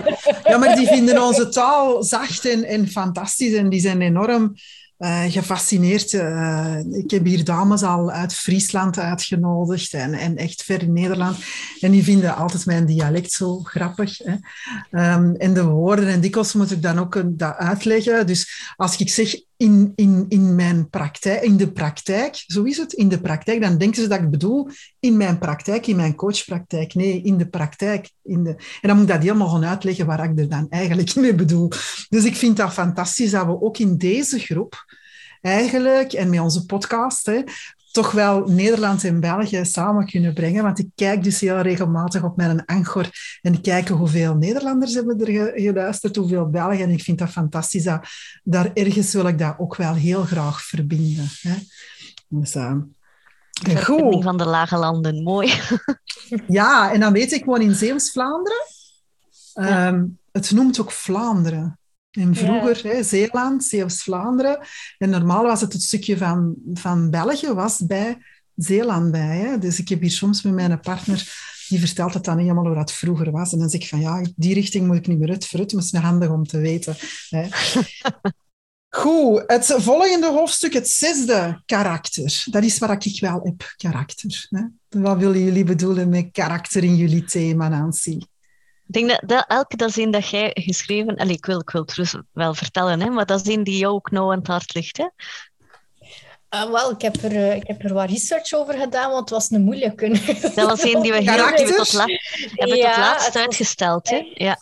Echt ja, waar? Uh, ja? Ja, het was super moeilijk, omdat eigenlijk, vooral als je snapt, de tegenpool van woede... Hè, uh, zoeken. Uh, wat, wat, is de tegenpool van woede? En we hebben dat moeten vinden in antropologische slash sociaal-psychologische studies. Oké, okay, je bent me, kwijt, maar ga verder. ja, ik dacht het. Uh, vandaar dat wij daar ook even moesten over nadenken van hoe gaan we dat nu doen? En um, wat dat er boeiend aan is, is dat wat is nu eigenlijk karakter? Daar mhm. begint al de grote vraag mee. Wat maakt uh, dat je zijt wie dat je zijt? Mm um, en we zijn dus gedoken in, in een aantal heel interessante werken daarover. Uh, onder andere The Road to Character. En ik heb dan die een auteur ook in levende lijven mogen ontmoeten uh, in Londen toen ik daar nog studeerde. Um, en die man die, die had toen zelf ook zoiets van, ja... Um, de titel van het boek zegt het ook, The Road To. Hè. Het is mhm. een weg die je aflegt. Um, en de vraag is van welke weg leg je af? En veel mensen hebben het idee dat ze hun eigen karakter aan het maken zijn, maar eigenlijk is dat niet. Um, dus die psychologisch zijn ze eigenlijk het karakter aan het maken van een groep mhm. mensen waar je heel graag zou willen En dat mhm. is naar boven gekomen, onder andere bij bijvoorbeeld um, mensen die uit een lagere sociale klasse komen en die bijvoorbeeld heel arm zijn en, en niet veel geld hebben om de dingen te doen en ervan dromen om in een hogere sociale klasse te zitten. Maar je weet dat de levensstijl en de dingen die die doen, dat dat andere dingen zijn. Mhm. Ehm, en ze zagen bij zo'n mensen die daar dan in gelukt waren, bijvoorbeeld die aan een beurs geraakt waren om te gaan studeren, uh, die dan in één keer tennissport begonnen te doen, terwijl dat eigenlijk hun familieleden dat helemaal niet deden, want dat paste niet in, in, in die klassen of ze hadden daar geen geld voor. Dat er heel veel woede naar boven kwam als ze bijvoorbeeld hun spel verloren. met het tennissen. En ze dan nadenken van, ja, maar hoe komt het dat die zo boos zijn? En die raket zo echt zo, doe dat, zo van, ik heb verloren. En dat heeft natuurlijk te maken met die angst die naar boven komt, die woede, die angst van die status te verliezen, die gaan opbouwen zijt. En die een drang om effectief te worden zoals je wilt dat, dat, dat je wilt worden in, in die groep van mensen, in hun gedrag en in hun sociale sfeer. Het is zelfs zo erg dat mensen die navigeren naar een andere sociale klasse, om zo te zeggen, hun eigen familie ook verliezen. Dat hun eigen familieleden hun niet meer herkennen. Dat die binding ook minder, minder sterk wordt. En dat vergt een ongelooflijke lijdensweg. Ehm, want dat breekt u in twee. Je gaat ergens een karakter maken waarvan dat jij denkt van ik pas daarbij en dat past heel hard bij mij. Maar je gaat in een andere groep van mensen, een andere community. Waardoor dat je je roots voor een stukje achter je laat. En um, ja, ik denk dat wij dat ook voor een stuk gedaan hebben. Hè. Zowel Nancy als ik. Niet zo extreem dat je je familie moet achterlaten. Maar dat we wel in een nieuw elan terechtkomen en een nieuw netwerk. Zelfs heel stom. Van het netwerk van de ambtenaar naar het netwerk van de zelfstandigen. Dat is een heel andere wereld waarin dat je mhm. terechtkomt. Met een hele andere cultuur, een andere taal, een andere manier van leven ook. We hebben het er juist over gehad. Zo van, wij hebben zo die stress niet van s morgens vroeg op te staan enzovoort. Wij maken onze dag. Ehm, en dat zorgt ervoor dat je ook wel wat af en toe in een, in een diepje terecht kunt komen. Net zoals dat in het boek staat. Hè. Dus die keerzijde, die woede, die dan soms wel eens naar boven kan borrelen op een onbewaakt moment. En dat, het schrijven van dat hoofdstuk en daar onderzoek naar doen, om het zo te zeggen, heeft ons ook wel wat geholpen om die dingen te relativeren. om zo te zeggen van, het is dik oké om je karakter vorm te geven, maar het is ook dik oké om daar boos over te zijn. Als dat niet loopt, gelijk je dat niet. Ja, en uiteindelijk draait het erom dat je als persoon een, een combinatie bent van dat uh, aangeborene, waar dat je dan u al dan niet een beetje tegenaf zet. En, dat, en, en mhm. ook de gewoonten, hè, want je kunt wel zeggen, um, ik, ik zou graag... Uh, super sportief worden, haha, not. Hè. Uh, maar als je zegt van ja, ik wil iets, ik wil bij een bepaalde um, gewoonte aanmeten. Hè. Dus ik wil bij een bepaalde groep horen en daar horen dan bepaalde gewoontes bij. Weet dan dat je dat al minstens 60 keer moet doen, dat dat ook nog maar begint te lijken op een mhm. gewoonte. En dat het risico om in je oude gewoonte te vallen, dat dat ook wel iets is. Allee, in deze tijden van uh, al ons voornemens genomen, ik weet niet of je ze opgeschreven hebt, ik doe dat al niet meer, hè, vooral duidelijkheid. Maar uw voornemens voor het komende jaar, ook dat is zoiets van ja, we, wil, we gaan allemaal veranderen. Iedereen gaat 20 kilo afvallen en, en, en, en een halve marathon gaan lopen. En uiteraard, eh, binnenkort is de maand ook weer zonder alcohol. Dan gaan we een hele maand onszelf droogstellen en, enzovoort. Dus al die dingen willen we dan doen omdat er een nieuwe gewoonte om ergens bij te horen, een bepaald clubje enzovoort. En de, wij dagen vooral in dat hoofdstuk onszelf uit om na te denken, oké, maar wat wil je nu eigenlijk zelf? Want het is oké om te zeggen, ik wil ik wil heel graag um, bepaalde gewoontes en bepaalde voornemens, maar denk na, wil je ze echt? Of is het omdat je, omdat je denkt dat iemand anders wil dat je het wil, of omdat iemand anders het van jou verwacht? Mm Dus allee, jezelf een beetje uitdagen om daar te durven zijn, opnieuw het vaste thema, wie dat je bent en aan het stuur van je eigen leven te gaan staan. Want we geven toch niet zomaar ons stuur aan een ander om te zeggen, hier is het, doe maar. En veel mensen wel... dat wel doen. Ja. Ja, en als je dat bewust doet, vind ik dat zelf nog niet eens zo erg ergernis, wanneer je zo op het einde van je leven komt, dan moet beseffen van, tja, ik heb heel mijn leven gewoon dat stuur aan iemand anders geven en ik heb niet mijn eigen ritje gedaan. Dus dat, is eigenlijk ook een beetje een, een, uitdaging die we doen om, om voor jezelf na te denken, wat wil ik nu eigenlijk? Ja, maar dat is een moeilijke, hè? Nancy, dat is, een vraag die heel veel uh, in de praktijk wordt gesteld. Um, ik weet niet waar ik wil. Of hey, is, wat wilde nu eigenlijk? Ja, ik weet het eigenlijk niet. Meeste, meest, de mensen weten meestal waar ze niet willen en niet waar ze wel willen. Hè. Maar vanuit geen away from kunt ook komen tot wat je eigenlijk wel wilt. Hè? Ja, ja, en dat is ook wel een belangrijke, hoe dikwijls dat de mensen dat ook herhalen in de dingen waar ze niet willen. En dan blijf je ook wel in dat universum toe, in dat spiraal ook zitten van wat je niet wilt. Dat gaat je krijgen dan. Hè. Nu, dat karaktertje, hè, die, die, dat bij ons in Antwerpen toen zei, ze altijd, maar die de karaktertje. Hè. Komt ook wel daar, dat komt ook weer, kleine kinderen die daar op de grond zitten, en elke, ik weet niet waar je dat al meemaakt, hè, dat die uh, gewoon, als ze iets niet willen, dan gaan ze helemaal tekeer. Hè. Er oh, komt ja. verbetering in, er komt verbetering in, maar op een gegeven moment doen, gaan ze dat anders uh, presteren. Ik denk aan mijn drie jongens, een van bijna 30, een van 25 en een van bijna 18, die doen dat op een andere manier. Het komt nog. En als je er advies nodig hebt, ik en Nancy, wij zijn er wel om dat te kunnen, te kunnen geven. Nu, gelukkig hebben we allemaal een karakter, um, wat zich dan vormt. Het is alleen um, spijtig dat je het op die manier dan vormt in, een, in iets waar je eigenlijk denkt dat je hoort te zijn. En dan ook weer verder afstand neemt van jezelf. Hè? Mhm. Want dat is ook, ook uh, blijf dicht bij jezelf. Maar ja, dan is de vraag ook weer, hoe doe je dat? En dat kun jij in die boek dus allemaal te weten komen. Hè? Yes, yes. Ja, dat is uw, uw, bestemming, uw beslissen, uw stoppen, uw actie. Hè. Het staat er allemaal mooi in. Uh, het, is, het is echt wel een, een doelboek, het is een, een werkboek. Hè. Dus het is niet alleen lezen, maar het is ook action. Hè. Dat is een heel belangrijke. Ja. Nu, ons laatste uh, thema is uh, energie. En ik vind dat kei interessant, want veel mensen vragen waar ik dat vandaan haal en dat blijft maar komen. En ik denk dat dat bij jullie ook zo is, hè, toch? Elke thema energie. Ik kon dat nu aan Nancy vragen. Hè. Ja, vraag het aan Nancy, want dat is eigenlijk haar, een, uh, haar, haar baby. En, en ik, ik, heb al veel Nancy, gezegd, ik snap dat. Nancy, ik snap dat stukje energie uh, wel. uh, dames, vertel, maakt mij niet uit wie. vertel over het stukje energie. Wat kunnen we daaruit halen? eigenlijk is dat heel eenvoudig. Hè? Je hebt één pot energie. En je kunt je energie maar één keer uitgeven. De er zijn dingen in ons leven, dingen en mensen, eh, in ons leven die energie geven en dingen en mensen die energie kosten. Ja. Je kunt eigenlijk maar zoveel geven als dat je hebt. Je kunt af en toe een keer in het rood gaan, maar als je dat niet terug bijtankt, dan komt in de problemen. En basically is de essentie van dat hoofdstuk dat we jullie uitdagen om een stukje in kaart te brengen voor uzelf. Maar, maar wat, als ik nu nadenk, wat en wie geeft mij energie? Mhm. En wat en wie kost mij energie? En hoe krijg ik dat in balans? En dat moet niet op dagbasis, want er zijn allemaal, we weten allemaal, de wereld is niet ideaal en er zijn dagen dat je heel veel energie geeft en dat er heel weinig getankt wordt. En je kunt wel af en toe een keer zo'n dag hebben en dat kan een keer een paar dagen zijn, maar je kunt dat niet maanden aan een stuk doen. Nee, dus dat is zo wat de uitdaging van oké, maar breng voor jezelf toch al een keer in kaart. Ehm, wat dat jouw energie geeft en wat kost.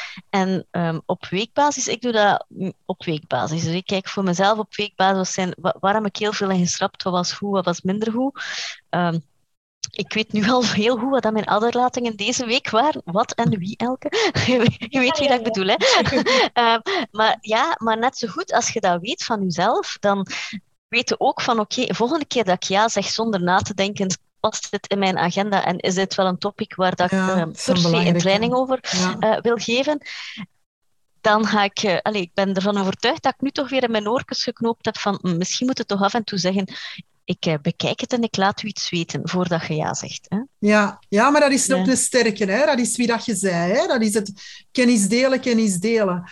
Nu, dat energie geven, en ik noem het uh, energiegevers en energievreters, hè, dat is ook iets dat ik in stress- en burn-out coaching heel erg mee de, uh, aan de slag ga. Hè. Ik laat de mensen ja. dat heel bewust opschrijven en eens kijken welke gever dat je uh, tegenover die vreter kunt zetten, zodanig dat je de balans ook uh, ja. terugvindt. Dus, er zijn heel veel kenmerken, hè, maar wat we natuurlijk in trainingen en coaching gebruiken. Het is wel een heel belangrijke om die momentjes zoals jij dit straks hebt gedaan, Nancy, uh, naar buiten gaan wandelen, dat je die koestert. Dat je mm -hmm. weet waar je grens ligt. Maar toch een, een, dat is toch een moeilijk gegeven voor uh, velen nog van ons om daar de, de, balans in te vinden. Hè. Oefening, waar kunst en er gaat ook wat tijd om. En het is dan mooi dat jullie in dit hoofdstuk ook heel mooi naar boven brengen hoe dat je dat kunt toepassen. Hm? Ja. Kleine reminders aan jezelf vind ik een heel belangrijke. Hè? Zo, aan de binnenkant. Ik heb heel lang, dat, dat is nu niet meer, maar ik heb heel lang aan mijn auto zo dat klapje dat gaat doet voor de zon. Mhm. Had ik zo een, een spreuk gezet van eh, de, de- beauty begins the moment you decide to be yourself.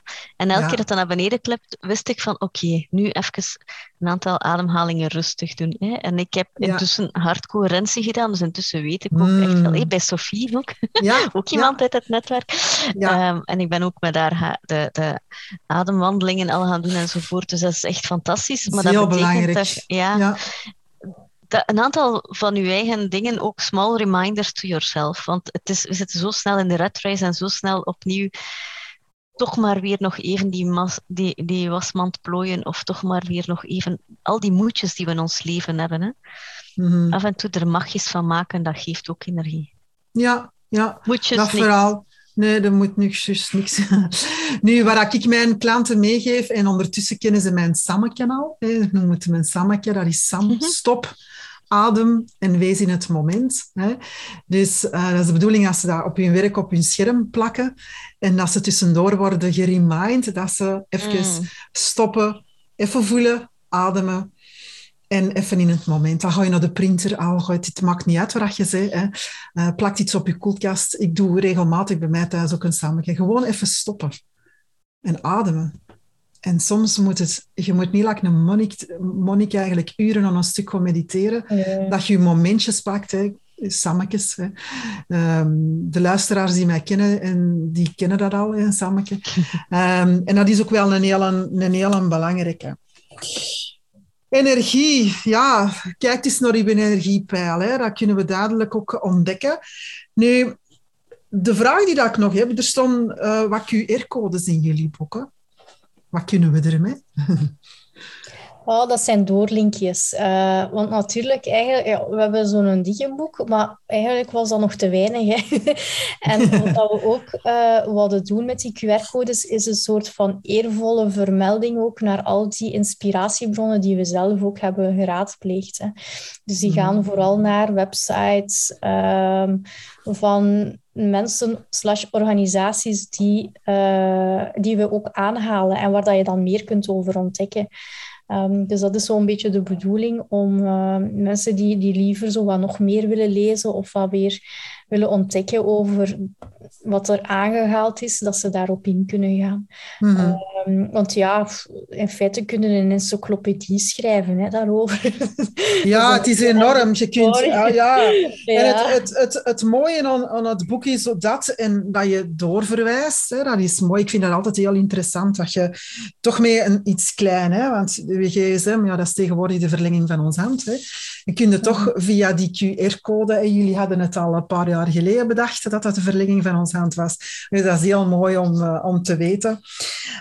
Na elk themaatje hebben jullie het stukje zelf aan de slag. En dan, zoals ik er juist heb benoemd, de bestemming, het beslissen, de actie en het stoppen. Dus mensen kunnen zelf in het boek heel goed eh, aan de slag eh ermee. Ja, fantastisch. Ik ben, ik ben in de ban. Eh, zeker weten. Ehm, ik weet alleen, ehm, ik, al, ik ben er al een stuk mee aan de slag, maar het, het, het is, het, voor mij gaat het een maandenproject worden. Eh, zeker en vast, omdat alles wat je neerschrijft, heeft toch wel wat eh, tijd nodig om tot u te komen. Hè? Nu, dames, hebben jullie, een van jullie een tip ehm, voor onze luisteraars? eh, allee, het boek aan het sturen van je eigen leven, hoe dat ze dit het best gebruiken? Oh, à la carte. Zeg maar elke... Ja, À la carte, ja, echt. hetzelfde zeggen. Zo de ik denk dat het zelfs in de inleiding staat, eh, dat je het in alle mogelijke richtingen kunt lezen en dat je ook niet alles moet lezen. Dus stel dat je door de inhoudstafel gaat en er is iets dat u aanspreekt, begin daar gewoon mee. Ehm, want het is ook geen, geen lineair pad. Allee, het is te zeggen, uzelf uh, ontwikkelen. Want eigenlijk is dat zo. Hè? Dat is tijd nemen voor jezelf. Mhm. Ehm, en, en vooral zorg dragen voor jezelf. En ook zo een beetje voorkomen dat je op je sterfbed spijt hebt. het staat er op een gegeven moment ook zo Ja. in, in, eh, in een onderzoekje van, die, van een, eh, een verpleegkundige in, in de palliatieve zorg. met zo de top drie van hetgene waar dat mensen op hun sterfbed het meeste spijt van hadden. En op nummer 1 staat te veel gewerkt. Hè? En, te weinig, en op 2 staat te weinig met familie en vrienden eh, omgegaan. En eh, dat boek is ook zo'n beetje de, de wake-up call in die zin dat we vanuit onze workaholic-modus, want we kwamen daar juist uit, ook tot inzicht kwamen, er is veel meer in het leven dan dit alleen. En voor iedereen is dat anders. Hè. Bij sommigen gaat de worsteling op die waarden zitten bijvoorbeeld, die daar een ongelooflijke angst rond hebben. Bij anderen gaat dat zijn van, goh, ik heb weinig zelfvertrouwen en ik durf mezelf onvoldoende tonen. Dus dan zit dat op die uitstraling. En dat komt naar boven, naar gelang ehm, het moment dat je ook naar dat boek kijkt. Hè. Dus dat, dat mag gerust een paar jaar in de kast eh, stof liggen eten, dat je het op een gegeven moment per toeval eruit haalt en je doet het open en je ziet van, ah, het is een keer de moment om... Ja, durf, durf gewoon je intuïtie gebruiken, inderdaad. Op wat heb je op dit moment nodig? Want het is ehm, de volgorde van de hoofdstukken. Ja, het is niet noodzakelijk dat je ze in die volgorde leest. Bijvoorbeeld vandaag heb ik zelf, want zo ben ik dan ook wel, ik ben eh, nog een keer even door het stukje rond waarde gegaan, hè, omdat ik daar zelf ook wel... Dat blijft een moeilijke waar ik Mhm. ook persoonlijk wel af en toe mee worstel. Ik heb daar ook geen moeite mee om dat, om dat toe te geven, dat dat toch wel een issue blijft. Hè, want dat is ook Mhm. de reden waarom dat je toezegt eh, als iemand u ja, vraagt om dat te doen, omdat je denkt, ja, dat is toch meer nog een beetje omzet enzovoort. Hè. Dus eh, ja, ik, ik, dat is ook een spiegel naar jezelf. Mhm. Het moment dat je zelf door de inhoudstafel gaat en je wordt aangetrokken tot een bepaald hoofdstuk, dan zegt dat opnieuw iets over waarom hebben, misschien hebben we dit nu wel even nodig. Hè. En laat Mhm. het u vooral inspireren. En ehm, ja, als er mensen zijn die het eh, graag willen bestellen, we doen er ook nog een Dierenbuster magazine bij, want wij schrijven elk jaar. Elke is altijd de trekker. Uiteindelijk lever ik wel mijn artikels, maar elke is altijd eh, ongelooflijk eh, de trekker van, van het magazine. Ja, we hebben allebei onze, onze dingen. Maar elk jaar schrijven wij een heel magazine vol. Dus dat is eigenlijk, als je dat in een boekvorm zou gieten, kom je gemakkelijk aan 100 pagina's. Hè. Dus is, in magazinevorm is dat 44 pagina's. Ehm, vol met dingen die ons doorheen het jaar geïnspireerd hebben, dingen die we meegemaakt hebben, mensen waar dat we mee interviewen gedaan hebben. Ehm, en dat staat eigenlijk gewoon ook gratis. Dat, dat staat downloadbaar op onze website. Oké, ik kom eens in de Ehm, krant dan. Oh, fantastisch. Eh, dus downloadbaar. Dus wie dat, dat- wie dat, dat, wie, wie dat, dat wil, eh, kan dat gewoon zelf downloaden. Maar we gaan ook, eh, als er mensen zijn die het boek graag willen bestellen, steken we er een papieren versie bij. Dat is misschien ook wel nog leuk om het dan als eh Papier is altijd leuk. op papier. En het is Ja, dat ruikt zo, hè. biodegradabel papier. Hè, Nancy, ik heb er Ja, zo'n Elke heeft zeer ecologisch, ja. En, duurzaam, eh, hè? Eigenlijk is het wel een heel tof papier. Het is zo heel zacht en het is zo, ja, het is helemaal niet glossy, zo, weet je? Er zit zo'n Mm. raw side aan. Ah, tof, tof. Nu, ehm, het boek komt van 2017, denk ik, hè? 18, 2018. 18. 18. Ja, tweede druk. Ja, Nee, nee, is- 18 is de eerste druk elke. Juni 18 en dan is het in 19 herdrukt. eerste druk 2017 staat hier. Oh my Ja. god. Ja, Echt? ermee dat Ja, ik Nancy, ik wou niet 2017 direct zei. iets zeggen, maar Is dat al vijf jaar? Ja, ja, ja. Tijd gaat wij, snel. mo- wij moeten dit jaar een, een viering doen, vijf jaar. Oh my god, wij moeten gewoon naar Blankenbergen om een... Oh my god, en tweede druk 19. Oh my god, ja, sorry, Ja, het was een gênant moment. Onze dames moeten op Blankenbergen en eh, we zijn allemaal Ja, uitgenodigd. ik ben al in Blanke, ik woon daar. Ja, Oké, deze, z'n allen naar deze zomer is er in juni een, eh, zullen we een, eh, een, een feestje doen in Blankenbergen. Vind ik een zeer Tof. goed idee trouwens. Tof, tof. Wat is, er nu, wat is er nu veranderd sinds dat jullie dat boek hebben uitgebracht? We zijn grijzer. Uh, we zijn, ik denk dat we, ja, dat we minder onzeker zijn geworden. Ja. Mhm. We hebben een heel parcours van eigenlijk aarzeling gehad. Eh, in de buitenwereld wordt dat niet opgemerkt, hè? omdat je natuurlijk zo, ja, je doet je ding en, en dat komt wel wat stoer over. Maar we hebben alle twee wel een klein hartje zo, in de zin van, oh, het is ook niet van iets dat we met twee, ja, dat we met twee zijn, hè? want alleen zelfstandig worden, dat denk ik niet dat we gedaan hadden. Uh, dat was zo van, we gaan met twee springen. Hè? En dan zijn we ja, ik vind dat ongelooflijk dat je dat samen doet. Ja, ja. ja. en ja, dat heeft dan... Um, een, een, eh, een groeiproces geweest in de zin van op den duur omarmt je ook de onzekerheid van zelfstandig zijn mm en de mooie kant daarvan.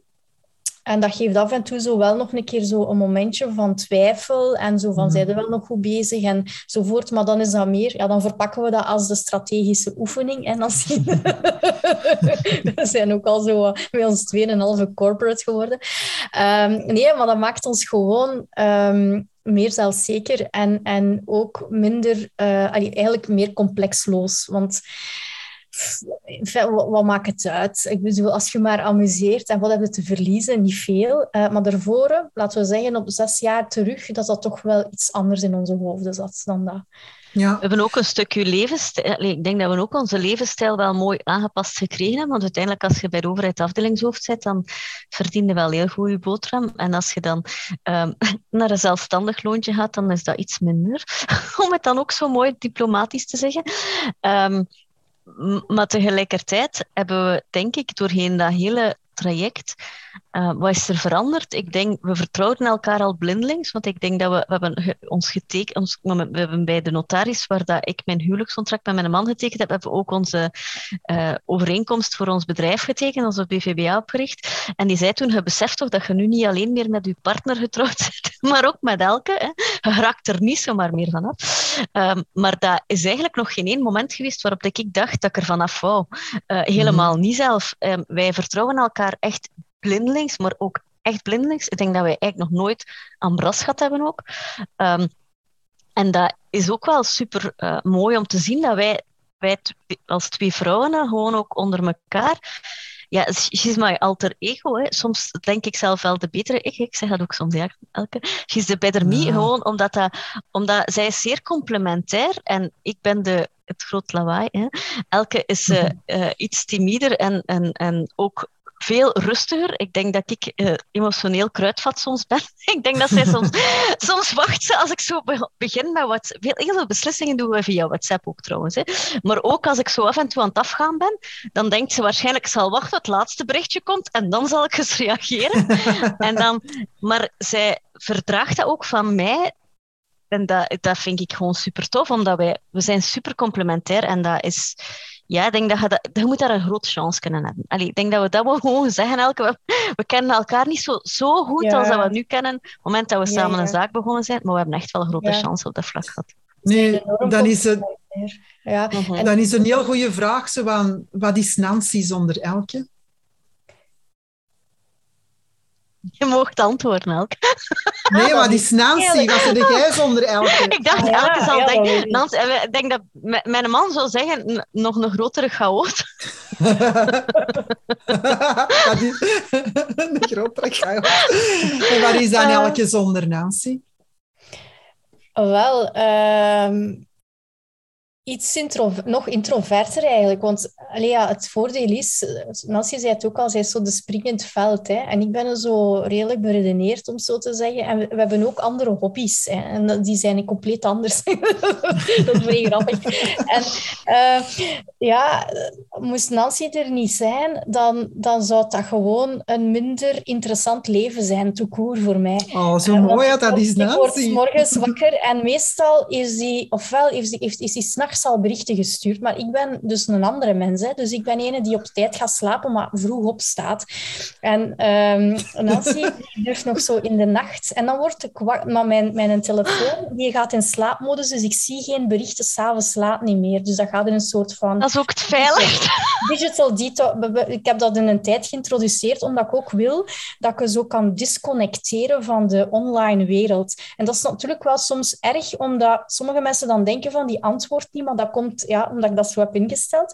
Dus morgens, als mijn wekker afgaat om 6 uur of 5 uur 30 of whatever, dan is het... Als ik nog niet lang slaap. Het eerste dat ik zie is bovenaan zo dat groen dingetje van WhatsApp en Nancy haar naam. Dat is bijna alle dagen zo. En dan zie ik zo een nachtelijk relaas of zoiets aan dat ze heeft gedaan. En dat is eigenlijk mijn... Uh, sommige mensen zetten zo de radio op, hè, s morgens om het journaal te horen. En bij mij is dat Nancy. Allee, weet je, dat is soort Ping, ping, ping, ping, ping. dat ik Nancy ken, heb ik eigenlijk nog geen ene ochtend gehad in mijn leven dat dat niet mijn eerste informatiekanaal was. En eh, ik weet niet hoe dat mijn leven er anders zou uitzien, maar dat zou redelijk uh, ja, saai zijn, denk ik. Zo oh, ja. Eigenlijk is dat wel, eigenlijk is dat oh, wel tof, hè, Nancy. Het is het eerste dat... wat ze ziet als ze wakker, dat ze wakker wordt. ik hoop dat ze een man wel eerst ziet. Ah, nee, want die liggen nog te. Want meestal voor hun wakker. En dus dan ja, begin ik zo wat te schoefelen thuis. En dan pak ik mijn, hè, mijn gsm. En dan is dat signaal. En dat geeft meteen ook zo'n een, een, een ding van... Goedemorgen, tijd voor Dinobus. Want ik geef ook les aan Ogent. En eigenlijk is dat voor mij zo, die staan naast elkaar. Dat is anders bij Nancy. Bij Nancy is er een hiërarchie. De dinobus we hebben het er al veel over gehad. Ja. ja. we hebben het er al veel over gehad. Terwijl bij mij is dat zo de Siamese tweeling. Ik zou ook niet zo zonder die twee kunnen. Um, maar Nancy zorgt ervoor dat dat toch een beetje meer in de hiërarchie komt in de dag, omdat er geen ene collega is in Gent die mij om dat uur iets stuurt. Dus ah, voilà. Lasse, ik eis de plaats op bovenaan in de hiërarchie zo ja, dat En dat is ook wel goed. Allee, ja, zij, zij stimuleert mijn ondernemerschap. En daar komt dat op neer. Anders zou ik echt wel nog ambtenaar zijn. Dat, ik, ik heb dat in een andere podcast ook gezegd. Ik ben dat 100% zeker. Als Nancy er niet was, dan was ik nu Ivers een algemeen directeur of zo. Mm Maar eigenlijk zit een directeur, ja, ik denk dat wel. toch? Van Dinobusters dan toch? Jawel, ja, dat bedoel ik. Hè. Eigenlijk zijn de directeur van uw bedrijf, twee directeurs ja. uh, die er zitten. Is ja, eigenlijk nee, dat. in een, in een, tuurlijk, tuurlijk. Wat kunnen wij van jullie nog verwachten, Nancy? Uh, wel, gemochte namen van degene die hier in de live aanwezig zijn. Um, of dat gaan we zoiets doen. We gaan zo meteen onze podcast afsluiten. En dan gaan we live uh, in de groep. Verder. Ja, maar wat kunnen we van jullie bedrijf nog verwachten? Uh, sowieso, wat, is, wat ziet er nog toekomst uit? Wat bedenken jullie nog allemaal? Of wat wilde delen? Hè? Want je moet niet altijd uw bedenkingen altijd delen. Maar ja, ehm, we hebben nog zo wat briljante ideeën. Hè. We hebben eigenlijk nog een aantal boeken in onze chacoche, Nancy en ik. We moeten gewoon even de tijd maken om dat uitgeschreven te krijgen, want in principe is dat dingen die klaarzitten in ons brein. Um, maar het moet er gewoon van komen om dat uitgeschreven te krijgen. Mhm. en, ja, ja, ja, zeg maar Elke. Zijn wij ook kampioen in niet alleen ons publiek te verrassen, maar ook onszelf. Je gaat dat merken dat, uh, aan de hand van de media, want wij blijven nog altijd een echte dinobuster vanuit ons overheidsverleden. Dat als er dingen gebeuren in de media die ons prikkelen, of waarvan dat we ons opjagen, dan gebeurt het af en toe wel eens dat we nog iets beginnen te schrijven of te doen in die context. We hebben dat nu uh, bijvoorbeeld hè, met... Uh, business continuity van de overheden. En dan hebben we toch de neiging om daar een blog over te maken. Of als we merken van, oh, de mensen voelen zich wat down door heel die lockdown-ding. Ja, dan springen wij daar op de een of andere manier op. Dus wij surfen ook wel wat mee met die golf, omdat dat ja, dat, dat hart om de wereld toch een klein beetje beter te maken, dat gaat er niet uit. En dat is natuurlijk ook soms nogal gebonden aan de actualiteit en de dingen die gebeuren in de wereld. Dus ja, blijf... Je moogt van ons zeker nog heel veel blogs verwachten, want we zijn... Uh, we hebben de artikels van magazine gaan we ook als blog publiceren. Ah ja, um, tof. Ik ben nu mee aan het amuseren met uh, video's maken, want um, eigenlijk de enige fout die je met die je met video kunt maken, is geen video maken. Omdat videocontent super belangrijk is. Ja, ehm, dus gaan we ook kleine, korte video's ook voor op onze website um, maken. Um, en uh, we hebben ook uh, een, een, podcast waar dan nu twee interviews nog maar op staan, maar er komen er nog heel wat meer aan. Maar we doen dat op een rustig tempo. We vinden niet dat dat per se moet elke week. Dat, dat is niet nee, dat wij nee. Dus zoals het voelt. Zoals het voelt. Zoals het voelt, inderdaad. Ehm, en wat mogen we van ons nog verwachten? Veel, ik hoop vanaf, uh, vanaf dat we allemaal weer, weer meer buiten mogen, hè, nog veel meer workshops samen, want dat heb ik ook echt wel uh, Voor particulieren dan? Um, wij doen ook voor particulieren, wij doen in, in, wij doen uh, in bedrijven uiteraard ook. Ik, ben, ik werk ook als loopbaancoach, dus uiteraard um, kunnen, kunnen ze mij daar ook voor uh, contacteren. En ik hoop vooral mij heel veel te amuseren terug en heel veel buiten te komen en heel veel te netwerken, want daar word ik gewoon blij van. Ja. En daar maken we denk ik samen de wereld een beetje beter mee. Ja, achtereen is ook er een happening um, met uh, nog collega's van ons, heb ik gezien. Um, in um, denk ik, hè, met, met Sophie en uh, Christine Withoek. Heb jij nog iets? Um, ja, dat heb ik 22 maart. Ja, 22 maart geef ik daar een uh, Detox Day, waarbij dat we het mm. gaan hebben over Detox Your Energy. ja, natuurlijk ook detox, detox Your Breath. Hè. Ja. En dan de, de, algemene digitale detox. En dan gaan ja. we eigenlijk met ons drie hebben een workshop in elkaar gestoken die we binnen buiten, maakt niet uit. We, kunnen, we zijn zeer flexibel. Um, we zullen zien wat, wat, wat op dat moment mogelijk is. Uh, maar daar kijk ik ook heel erg naar uit. Ja, ja. er is ook een mooie locatie waar jullie het doen. Hè? Bij uh, ja. Sophie um, Verkammen ben ik onlangs ook uh, voor een workshop of een netwerkevent geweest. Ja. Hè? Um, het is heel mooi daar toch iets voor particulieren Um, ja, zeker en ook ondernemers uiteraard. Hè, uiteraard ja, hè. Dus uh, vertel eens Elke, waar kunnen de mensen die luisteren en, en kijken in dit geval jullie uh, vinden online? Wat is jullie website? Ah, Dinobusters.be. Ja, voilà, puur simpel. En uh, voilà, super simpel. Uh, googelt ons en je komt er ook op uit, normaal gezien. Um, op Facebook hebben we ook uh, onze pagina, dus je mag die zeker ook wel volgen. Facebook, Twitter, ja. Insta, um, ja, dat is mijn ding. TikTok, ja, we hebben eigenlijk zowat alles. Dus ja. YouTube binnenkort ook, dus... Fantastisch, fantastisch. Wij gaan hier stoppen voor onze luisteraars, onze podcast.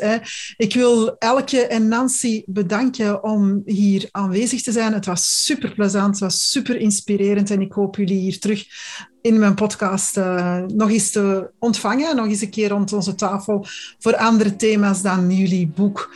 Hè, dus uh, jullie expertise nog meer naar boven halen. Dus ik kijk daar al naar uit. Later daar meer over. Hè. Dus voor nu wil ik jullie bedanken. We gaan verder in de groep. Dus uh, Elke, Nancy, bedankt voor het gesprek. Jij, dankjewel voor de uitnodiging. Graag ja, gedaan. Super. Hoi, Nathalie hier even terug. Wil jij je aansluiten bij onze community Vrouwen aan tafel op Facebook en de kracht voelen van verbinding? Vraag dan je lidmaatschap aan via onze groep Vrouwen aan tafel. Blogs en info vind je op de website vrouwenaantafel.com. Nog een fijne en inspirerende dag.